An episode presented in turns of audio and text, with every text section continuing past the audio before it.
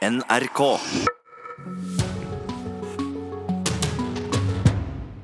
Så er det Kulturnytt og straks fredagspanel. Og nå er eh, det slutt, Ugo Fermarello, men på hva? Det skal i hvert fall bli slutt på at folk blir lurt til å kjøpe ulovlige svartebørsbilletter til overpris gjennom søkemotoren Google. Vi har fått se ganske eksklusivt de nye reglene for annonsering som de vil innføre rett over eh, nyttår. I høst har nemlig norske konsert- og teaterscener opplevd spesielt høy aktivitet i svartebørsmarkedet, og nå ser direktøren ved Folketeatret i Oslo frem til en slutt på det hele. Veldig veldig glad for at eh, Google gjør dette. og Det viser at eh, de tar problematikken på alvor, slik at folk som driver med ja, lureri, ikke får lov å annonsere for det på Google.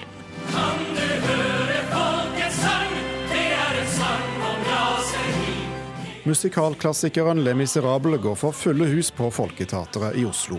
Det har særlig den sveitsiske nettsiden Via GoGo utnyttet.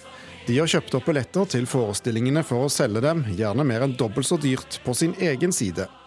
Det er forbudt i Norge, men Via GoGo har brukt Google til å vise seg frem. Fra januar kommer Google med nye og strenge krav til alle som vil reklamere for videresalg av billetter. En god nyhet for direktør Knut Dahl ved Folketeatret, som i høst har snakket med flere publikummere som har blitt lurt. Det betyr jo at vi eh, har større kontroll på salg av billettene våre. Og at ikke andre kan utgi seg for å være våre eh, offisielle samarbeidspartnere. Det gjør at vi fremstår som mer profesjonelle. Søkemotoren Google har gitt NRK tilgang til det nye regelverket før det trer i kraft, men ønsker ikke å la seg intervjue om saken. For å få reklamere for videresalg av billetter skal det komme helt tydelig frem at det ikke er en offisiell billettselger du handler hos. Dette skal stå høyt oppe på nettsiden og kan ikke gjemmes bort med liten skrift. Det er ikke tillatt å misbruke navn på artister eller konsertarenaer for å lokke kunder til seg. Og ikke minst, det skal være klinkende klart hva selve billetten koster, og hva som måtte komme av tillegg. Alt dette før kunden gir fra seg noe som helst betalingsinformasjon. Dette betyr forhåpentligvis slutten på denne typen billettsalg, som er ulovlig i Norge, sier juridisk direktør i Forbrukerombudet, Frode Elton Haug. I praksis så vil jo det forhåpentligvis bety at de eh, annonsene enten blir borte, eller at eh, nettsider som Viagogo endrer eh, praksis, slik at de opptrer i samsvar med den eh, lovgivninga som vi har. Altså slutter å drive villedende markedsføring. Nettsiden Viagogo har i høst hatt et uvanlig stort tilbud av billetter til norske konserter og forestillinger. Alt fra Marcus og Martinus til julemusikalen Putti Plutti Pott. Forbrukerombudet håper det blir helt slutt på det ulovlige billettsalget.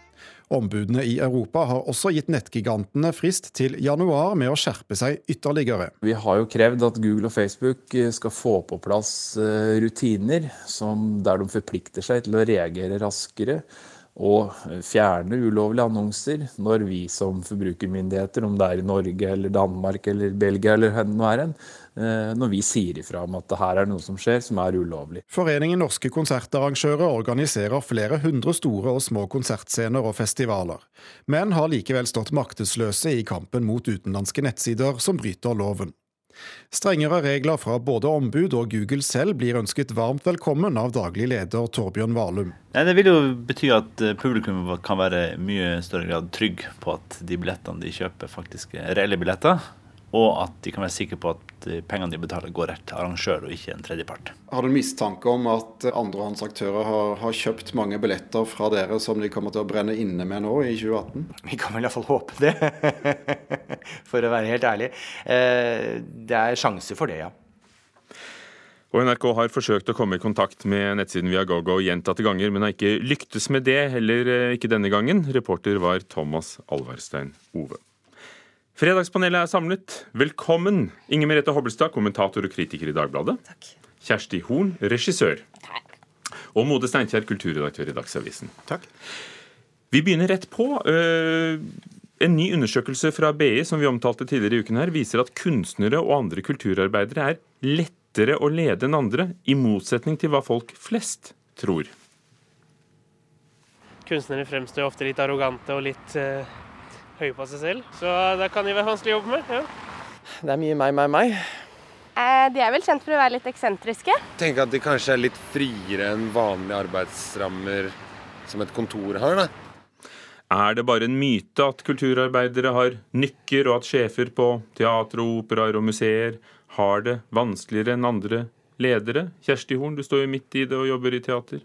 Ja, jeg tror det er en myte. Inger Merete Holstad? Eh, nei, ikke nødvendigvis. Både Steinkjer? Jeg tror også det er en myte. Men, men du, du, har sett dette her, du da, Inger Merete? Eh, nei, altså, nå syns jeg at dette krever et lite forbehold, da. Fordi eh, jeg tror på en måte funnet som vi får presentert her, på mange måter stemmer. Og at jeg har jo også blitt imponert iblant over hvor lojale ikke minst skuespillere er, og for regissører og prosjekter de er en del av. Men det er et viktig forbehold i eh, i denne debatten slik den ble lagt frem hos dere. og Der står det jo at de er lette å lede så lenge de har tillit til den som leder dem. Eh, og så lenge ledelsen klarer å overbevise dem om at dette er en god retning og et godt prosjekt. Og der må jeg vel si at mitt inntrykk er at, eh, ikke, altså at kunstnere kanskje litt fortere mister denne tilliten enn hva en del andre gjør. Når det er sagt, så syns jeg jo det er en god ting. Altså Dette er jo folk som er, de skal ut der og være ansiktet for prosjektene. altså har, Man har jo en integritet når er, man har en jobb som dreier seg om kreativitet og, og skapelse og eh, ideer. Så det at at dette gjelder så lenge de har tillit til ledelsen, det syns jeg egentlig er et sunt instinkt. Men det betyr også da at man kanskje må ta visse forbehold hva gjelder konklusjoner. For det er vel ganger at, at tilliten ikke er på plass, eh, må det? Definitivt. Og hvis man ser på en del av de kulturinstitusjonene man har, eh, vi kan jo f.eks. nevne Nasjonalmuseet, vi kan nevne Operaen, så har det vært veldig mye offentlig bråk rundt ledere som ikke helt har eh, skjønt hvem de jobber med og hva de skal jobbe med, og ikke greid da å få, få, terrenget til å passe med det kartet de har i hodet sitt, for å si det sånn. Men kan det være noe i veien med terrenget noen ganger? Jeg tror også at det kan være noe i veien med terrenget. For det er klart at innenfor kunst og kultur så er det, det er mye følelser, det er mye uforutsigbarhet når det gjelder støtte, offentlig støtte f.eks. Eh, det er mange skifter eh, i, i ambisjoner osv. Og, så og det er klart at for en leder eh, å skulle lede et sånt lag, så må han, han eller hun være veldig påpasselig med å forstå også den materien han jobber med. Den materien, og nå sa du det. Det er mye følelser. Kjersti Jorden, er det så mye følelser på teater? Ja, det er veldig mye følelser, men det er også mennesker som er utrolig trent på dialog, og som er ekstremt motiverte for jobben sin. og har veldig høy sosial kompetanse ofte. Da. Sånn at eh, de er jo vant til å omstille seg og jobbe i prosjekter og være kreative og finne nye løsninger. Så det tenker jeg at er positivt, og kan gjøre det også enkelt og gøy å være leder i kulturlivet. Har du, har du det motsatte også? Det har jeg absolutt sett, men det er ikke sikkert at det har vært pga. Eh, at eh, det er kunst vi jobber med. Det kan også være fordi det er arbeidsplasser med forferdelig dårlig arbeidsmiljø, som tillater at mennesker som er vanskelige, får ta stor plass og ødelegge for andre. Altså, det du, vi også har sett eksempler på, det er jo at eh, når ledere ikke viser liksom, forståelse for eh, altså det kunstneriske fagområdet de jobber med, da, altså litt som Mode var inne på her, så er det jo, eh, da er det jo ganske utholdende, det motstand mot dem. Når jeg vil se en positiv eh, ting. Da, og jeg tenker bare Akkurat nå har vi en interessant sak med dette med at kunstnerorganisasjonene eh, det, Dette med å velge ut eh, representanter til stipendkomiteen, der de har veldig ulike interesser fra kulturminister Linda Hofstad Helleland, som jo også er en leder, ikke sant? Man kan si det sånn på kulturfeltet feltet. Og Der er det jo nå en veldig eh, kraftfull eh, aksjon i gang eh, mot det. og Der kan jeg godt se for meg at det skal litt til for at folk gir seg der. altså Fordi det er leveveien deres det står om. Jeg tror det, det, koker jo ned til at er du leder for en kultur- eller kunstinstitusjon, så, så må, du jo, eh, må, du jo, greie å lede dine, dine, ansatte. altså Du må skape tillit. og Sånn sett så er ikke det noe annerledes å være leder for en kulturinstitusjon enn det er på et sykehus eller mm, i en offentlig instans eh, som driver med noe helt annet og litt mindre tempera mangfoldt. Eh, ja, og, og, rapporten nevnte nettopp eh, helsesektoren som et sted som kanskje var vanskeligere. da. Kanskje sterkere følelser. Eh, en annen sak fra denne uken. Det harde debattklimaet skremmer mange fra å delta i diskusjoner på nett. Hele seks av ti møter nedsettende og krenkende kommentarer når de skriver og, deltar i, samfunnsdebatten, viser en ny undersøkelse fra Likestillingsombudet. Til NRK sier VG at i deres kommentarfelter er det ni av ti av dem som må kastes ut. Det er menn over 50 år. Men i ytringsfrihetens navn, må vi tåle hattprat? Nei. Nei. Ja, med et stort forbehold. Øh, Men altså, er det bare egentlig å be menn over 50 år å skjerpe seg, så er 90% av problemet borte? Skulle ønske at det var så enkelt som det. Eh, Men det med hatprat er, det er et voksende problem, og det, det henger sammen med det teknologiske samfunnet vi lever i. Mye av den offentlige debatten flyttes over på digitale medier, på sosiale medier. Eh, Og jeg tror at der må man ha et sett kjøreregler, i hvert fall i de fora hvor man da har enten en redaktørplakat, som man har f.eks. i NRK eller i Dagsavisen eller Dagbladet eller andre aviser. Um, og akkurat der syns jeg ikke vi skal tillate hatprat i det hele tatt. For det er klart at det kan være et demokratisk problem. Det skremmer uh, grupper fra å ytre seg offentlig. Og i siste instans så kan det også bryte med norsk lov. Men det er vel en gråsone her? Altså, hva, hva er hatprat, og hva er bare vemmelig? Ja, altså Egentlig er jeg enig eh, med Mode her, men det jeg tenker er et viktig forbehold, er altså at i ytringsfrihetens navn så skal du kunne si fryktelig mye rart, så lenge det ikke er kriminelt eller trusler eller Men det er en vesentlig fordel om du bare sier det på en måte ut i lufta, eller om du sier det på nettstedet til de store nyhetsorganisasjonene i Norge, altså NRK, Dagbladet, VG, TV 2. Og Der tenker jeg at der er det helt på sin plass å ha ganske nøyaktig, altså ganske grundig røkting. Og kaste ut ting som går over streken, nettopp som det blir sagt her, for å gjøre plass til, eh, til stemmene som ellers kanskje kunne tenke seg å bli, kunne bli skremt vekk. Da. Eh, og det er på en måte Der tenker jeg det ofte skjer en forveksling. Da. altså De som roper opp og sier at du blir kneblet. Altså Nei, du blir ikke kneblet, for du kan og skal kunne si masse som jeg personlig og mange av oss synes var helt drøyt.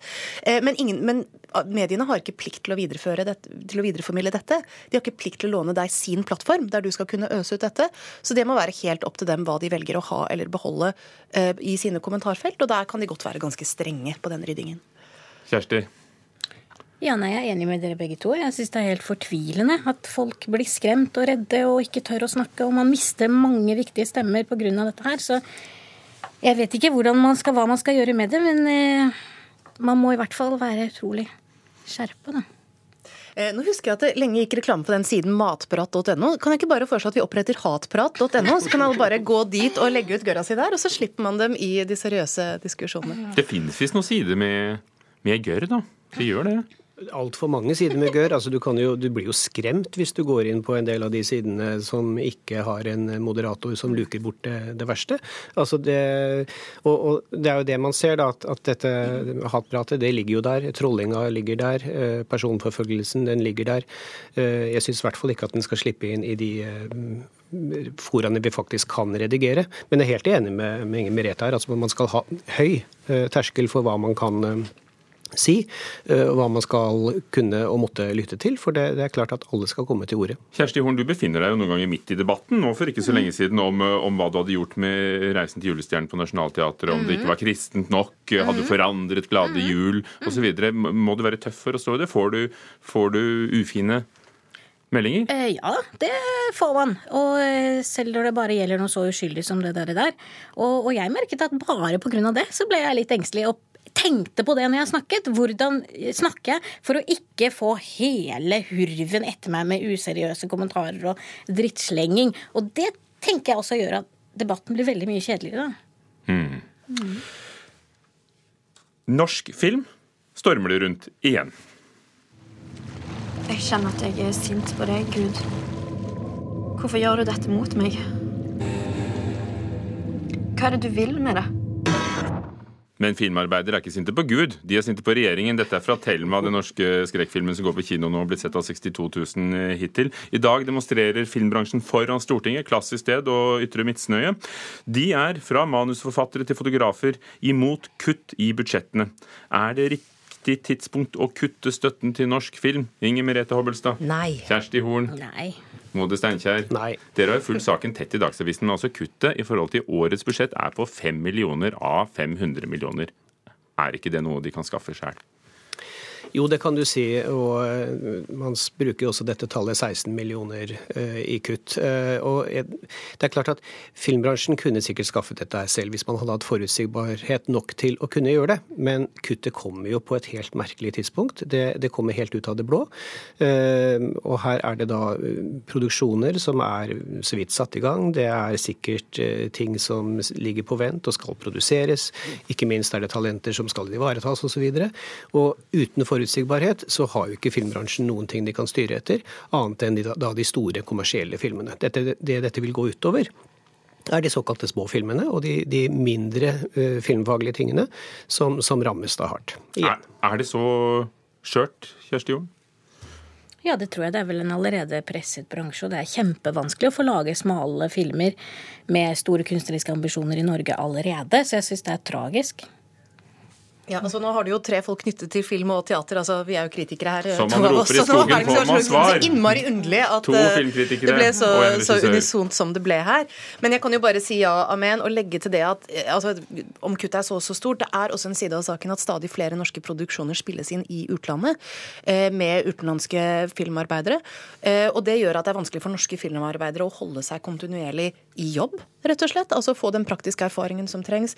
Og så har det vært snakk om denne insentivordningen for produksjon produksjoner til Norge. Altså, vi har ikke sett, altså, det har ikke helt veid opp uh, for det, så vidt jeg vet. Uh, så bare av den grunn også er det veldig dumt uh, å gjøre dette her. Da, Men er det ikke det nesten et symbolsk beløp, da?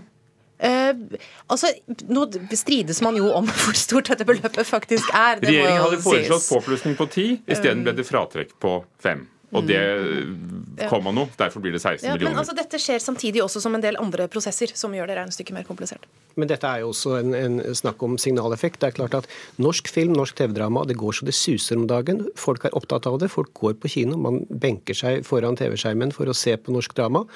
Og når det da kommer et sånt kutt ut av det intet, så, så er dette et signal om at dette tar ikke myndighetene på alvor i det hele tatt. Og, og det er trist for en bransje som jobber hardt, og som er i medvind. Må folk gå på teater isteden, da, Kjersti Jorn? Ja, de får gjøre det hvis de vil virkelig se ting som er interessant, og ikke bare kommersielle storfilmer som ligner på Amerika. Takk skal dere ha, kjære Fredagspanel. Kjersti Horn, regissør, Mode Steinkjer, kulturredaktør, og Inger Merete Hobbelstad, kommentator og kritiker.